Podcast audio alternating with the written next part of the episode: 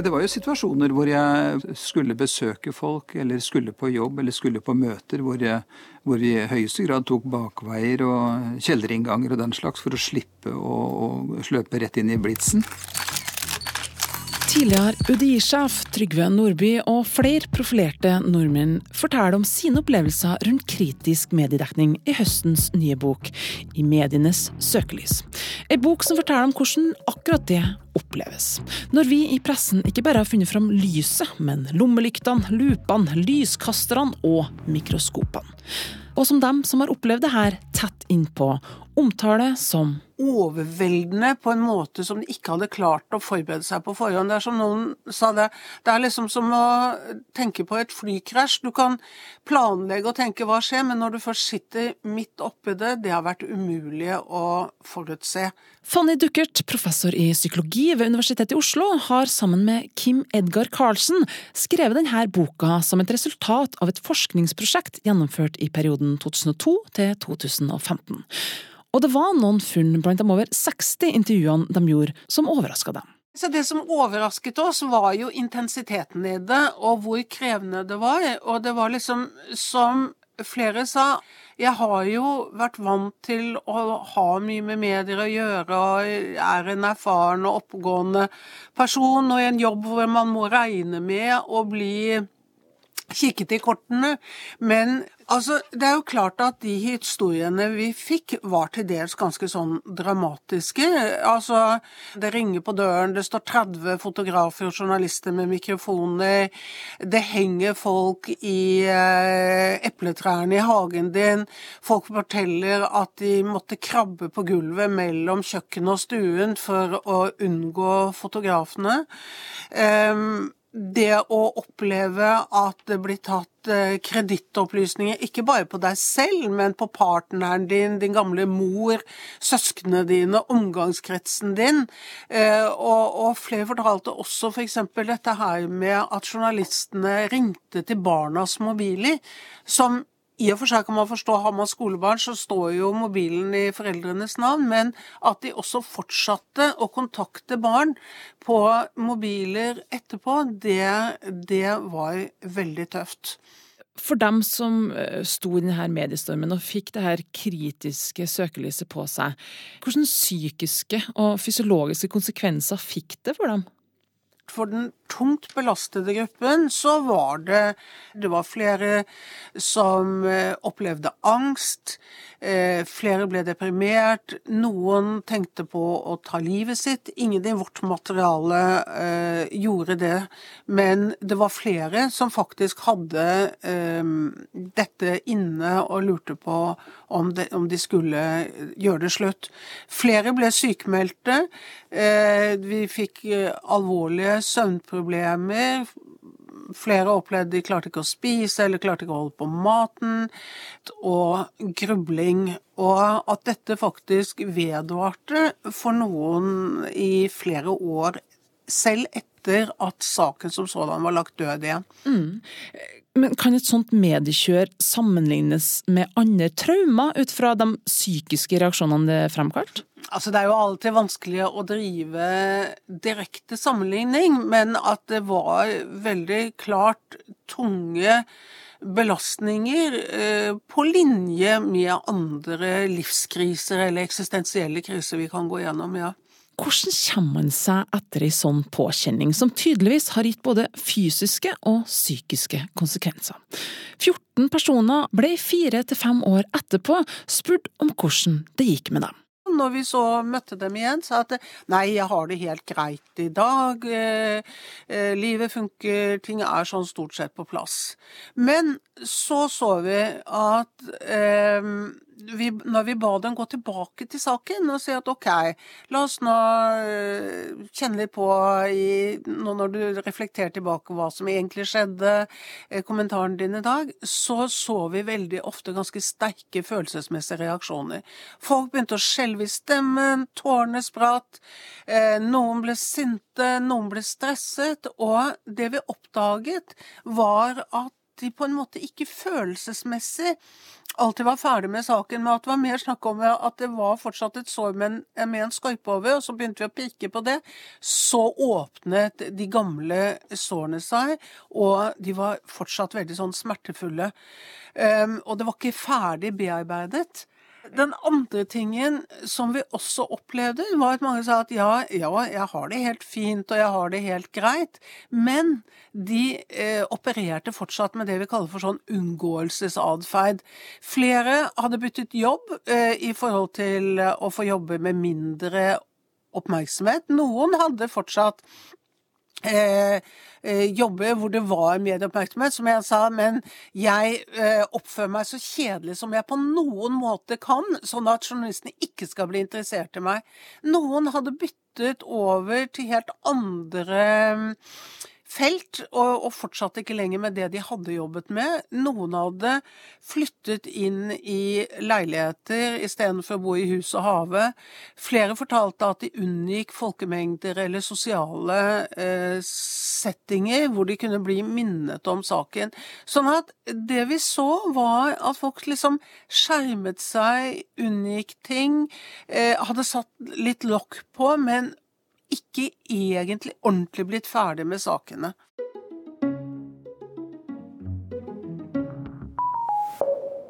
Det er jo ting som jeg nesten nå selv i ettertid nesten ikke kan eh, forstå kunne, kunne foregå. Det er gått over ti år siden Trygve Nordby sto midt i sin verste mediestorm, i den såkalte kurdersaken, der han, som tidligere UDI-sjef, fikk sterk kritikk for å ha innvilga opphold til et antall kurdiske asylsøkere, i strid med politiske retningslinjer.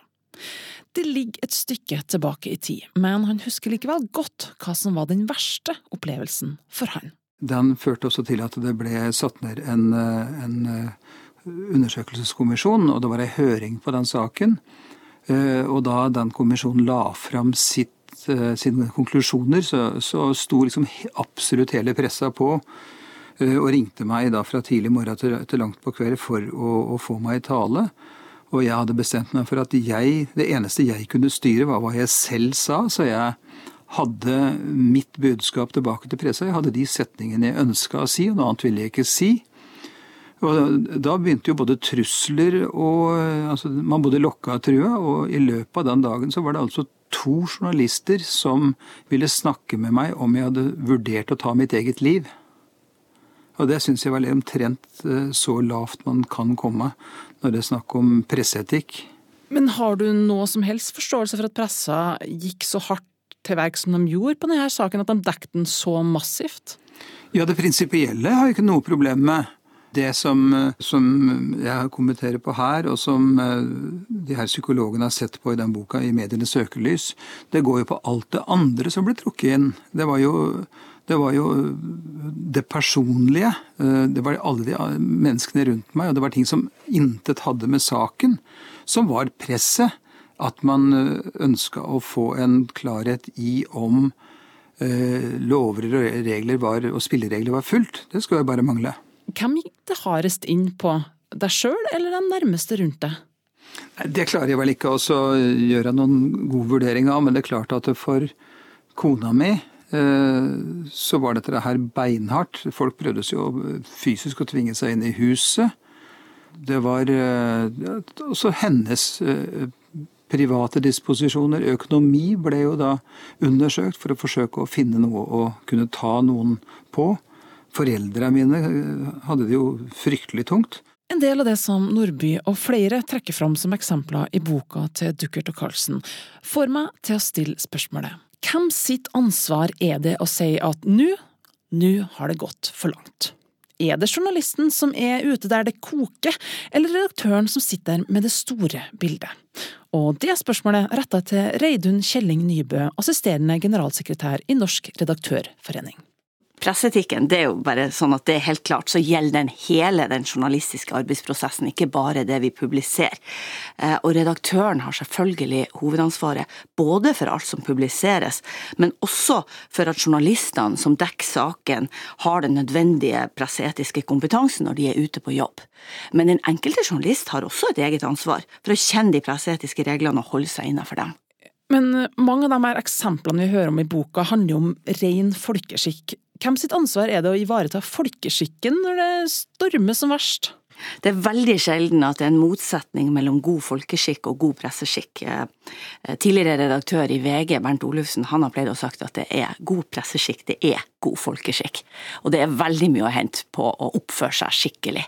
Og da må man selvfølgelig bruke god eh, folkeskikk hele veien, og god presseskikk. Mm. Hva tenker dere om de her verste historiene og eksemplene som kommer fram i denne boka?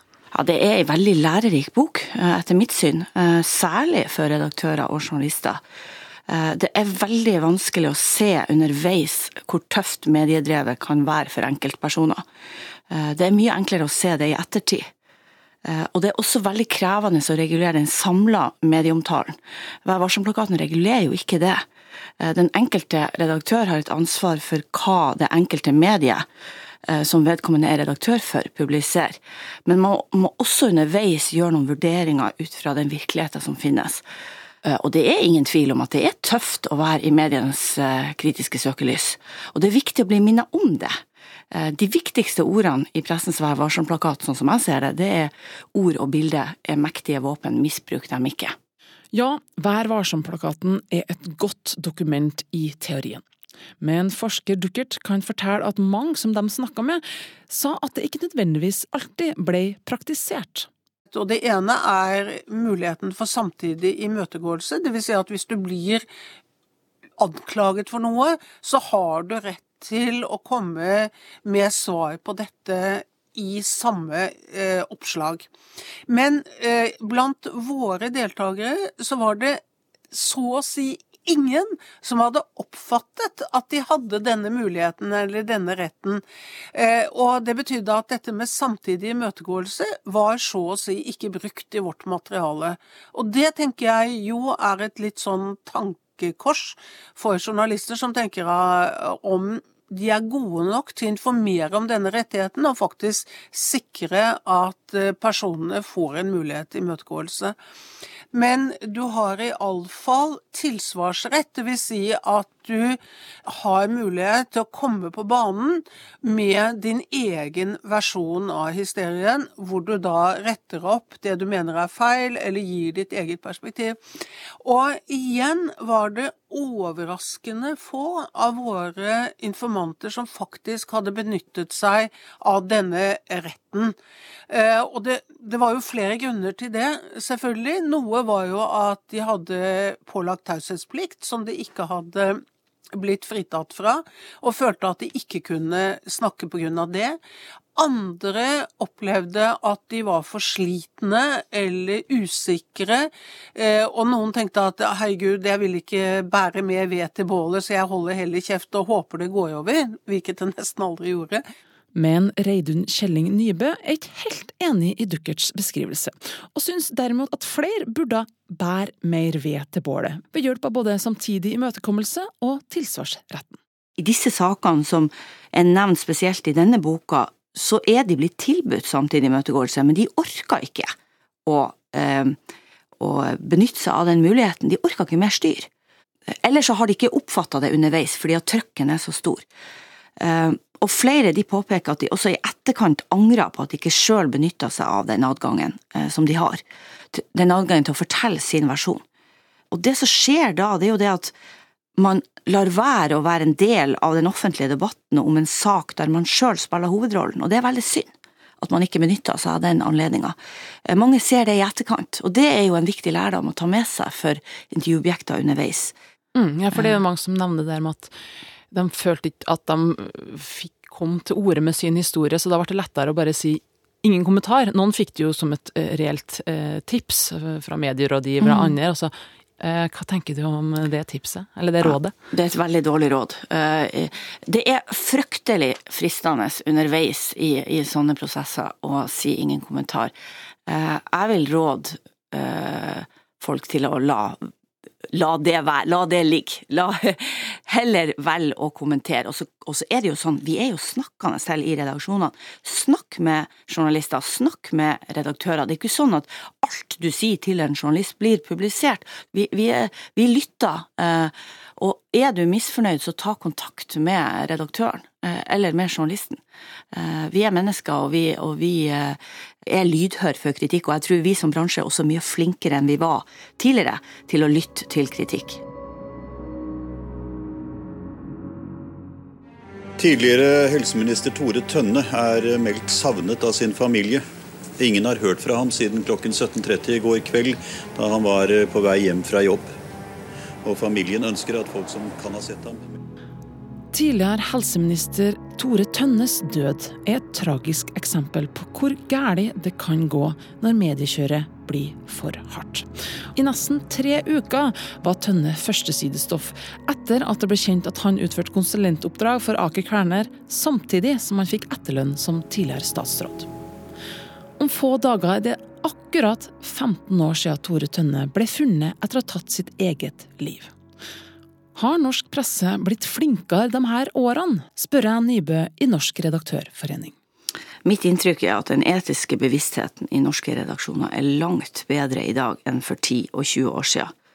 Og det eh, vet jeg fordi jeg har vært i denne bransjen i, i sjøl i, i over 25 år. Uh, og min jobb er å gi råd til norske redaktører, og jeg opplever i hvert fall at den, at den er økt sammenlignet med tidligere. Norske redaktører er veldig opptatt av etikk, det er norske journalister også. Eh, de ønsker å informere om det som skjer i samfunnet, og ønsker å avdekke kritikkverdige forhold. Men de er også opptatt av å ikke eh, gjøre dette på en måte som, som legger stein til byrden for enkeltmennesker. Og mange tror at mediene er mest opptatt av, av, mest mulig sensasjon og flest mulig klikk, og aner ikke om denne debatten som hver dag foregår i, i norske redaksjoner. Tønnesaken var en veldig viktig lærdom eh, for norsk presse.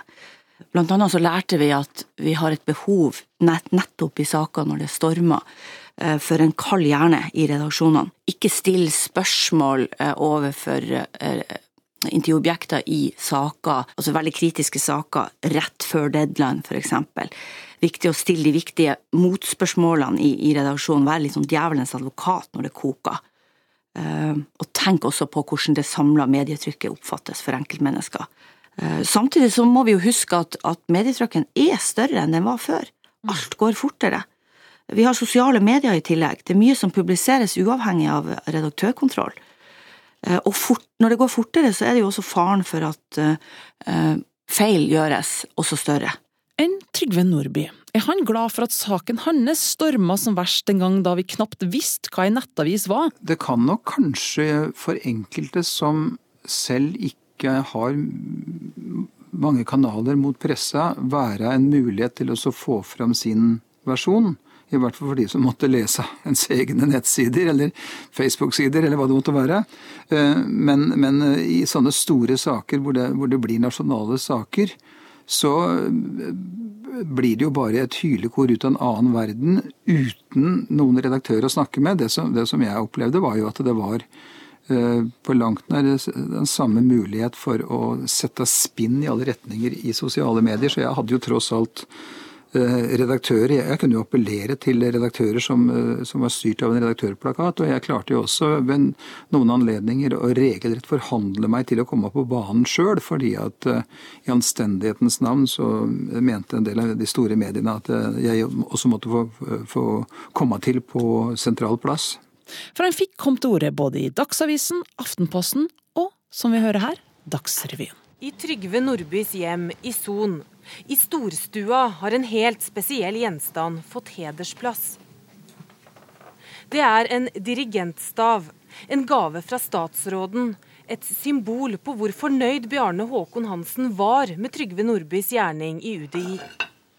Jeg visste jo, fordi at jeg hadde vært i veldig mye pressestorm i helt andre saker som ikke gikk på min person, men mer på ting jeg hadde ansvaret for, så visste jeg jo at det var kjempeviktig å samle seg om noen helt konkrete budskap fra min side og, og stå på de. Eh, og det gjorde jo at jeg avviste de aller, aller fleste pressehenvendelsene. Jeg sa ingen kommentar. Dere, vet, dere kjenner til hva jeg har å si. Ja, de ville, flere, de ville ha flere kommentarer fra meg. Og da, etter noen dager, så ringte jeg tre sentrale redaksjoner og sa da at det forutsatt at jeg kommer på førsteside, at dere lar meg få like stor plass til mine kommentarer som dere nå har slått opp over noen dager, så skal jeg snakke med dere. Følte det hjalp, da? At du, at du fikk litt mer kontroll? Det er klart det hjalp, for da fikk jo jeg mine referansepunkter. Altså, Hvis jeg hele tida skulle tegnes av, av andre, og, og, noen er jo helt besatt av å gjøre det til offer Altså de skal tegne, Du skal inn i den historia som den, den regien som noen ønsker. Og, og her gikk jeg ut og, og slo tilbake med det jeg mente var helt feilaktig og Eh, og dels løgnaktig, det som var kommet ut. Eh, og for meg ble jo det en, en, en kjempeviktig referanse i månedene som gikk, sånn som dere så det i Aftenposten der, eller sånn som det kom fram på Dagsrevyen der. Det er min historie. Slik ser den ut. Mm. Og Nå har du gått en stund siden det her starta. Hvordan kjennes det, og hvordan oppleves det nå? Det er vel to tanker jeg gjør meg. Det ene er at jeg, jeg ser jo at det samme skjer med en del mennesker i dag du kommer under et press som gjør at eh, det er helt umulig å, å svare saklig. Det. Og det andre som jeg jo hele tida opplever, det er at når man en gang har vært utsatt for et sånt trøkk, eh, og så mye blir sagt som du på ingen måte har mulighet til å tilbakevise, dvs. Si at det veldig mye sies som ikke er sant, så opplever jo jeg fortsatt ti år etterpå at det går jo ikke mange uker mellom hver gang at jeg leser noe om meg selv som er direkte us usant, som, som henter eh, en referanse fra eh, den gangen alle påstandene hagla, eh, og som det var umulig å, eh, å balansere akkurat i kampens hete. Alle intervjuobjektene jeg snakker med, er tydelige på at Norge selvfølgelig skal ha ei fri og kritisk presse. Men når går pressa fra å være pågående vaktbikkje til å bli ei slitsom og helseskadelig gneldrebikkje? Fanny Duckert mente de kunne se i etterkant når det ble for masse for de involverte. En kombinasjon av ensidighet og mengde og med veldig sterk fokus på personlige egenskaper og karaktertrekk. Altså Hvis du hadde dette eh, veldig intenst, så så vi at belastningen ble mye større. En annen ting som vi også så eh, som en viktig faktor, det var hva skjedde på arbeidsplassen din. Altså at de, hvis det var en eh, Du hadde en arbeidsgiver eller en ledelse som var der, tok vare på deg, stilte opp og støttet, så klarte de seg bedre enn der hvor eh, ledelsen faktisk ikke stilte opp, hvor du ble løftet ut av jobb, enten permittert eller sagt opp eller presset ut av jobben, så eh, var det veldig mye tyngre, hvor du satt mer ribbe tilbake og følte deg mer avmektig og hjelpeløs. Hva tenker redaktørene i Norsk redaktørforening? Hvor går grensa, spør Reidun Kjelling Nybø. Nei, og det er jo helt umulig å si hvor grensen går. Og det er jo det som er med etikk, at vi kan ikke si for er, liksom, sånn er spillereglene, der går grensen. Fordi det er ingen saker som er helt like. Eh, og mange av de personene som Fanny Duckert og Kim Edgar Karlsen har snakka med, de mener jo ikke at mediene skal la være å gjøre jobben sin. Tvert imot har mange full forståelse for mediene sin rolle. Eh, og vi er jo også forskjellige som mennesker. Eh, det som oppfattes som langt over grensen for noen, vil ikke være noe problematisk for andre. Eh, så vi må jobbe med å gjøre den, det arbeidet vi skal gjøre best mulig, og så samtidig være varsom overfor enkeltmennesker. Det handler veldig mye om uh, Vi skal gjøre den kritiske journalistikken, men vi skal passe på at vi ikke legger stein til byrden overfor enkeltmennesker og for, overfor de som står dem nært. Og det vil selvfølgelig være forskjell på Eh, eh, hvem dette handler om. Er det noen i kraft av deres rolle som omtales? Eh, F.eks. Erna Solberg, som er Norges fremste tillitsvalgte, hun må tåle en annen oppmerksomhet og en annen håndtering fra mediene enn det mannen i gata må tåle. Men også, vi må jo huske at klart Erna Solberg hun er et menneske, hun også. Altså Uansett om du er Eh, i en rolle der du, der du skal ha masse ansvar, så, så, er du, du er et menneske, du har eh, barn ofte, du har familie rundt deg, eh, som, som vi skal tenke over hvordan, hvordan følger medieomtalen kan medføre. Og så skal man ikke legge stein til byrden overfor disse.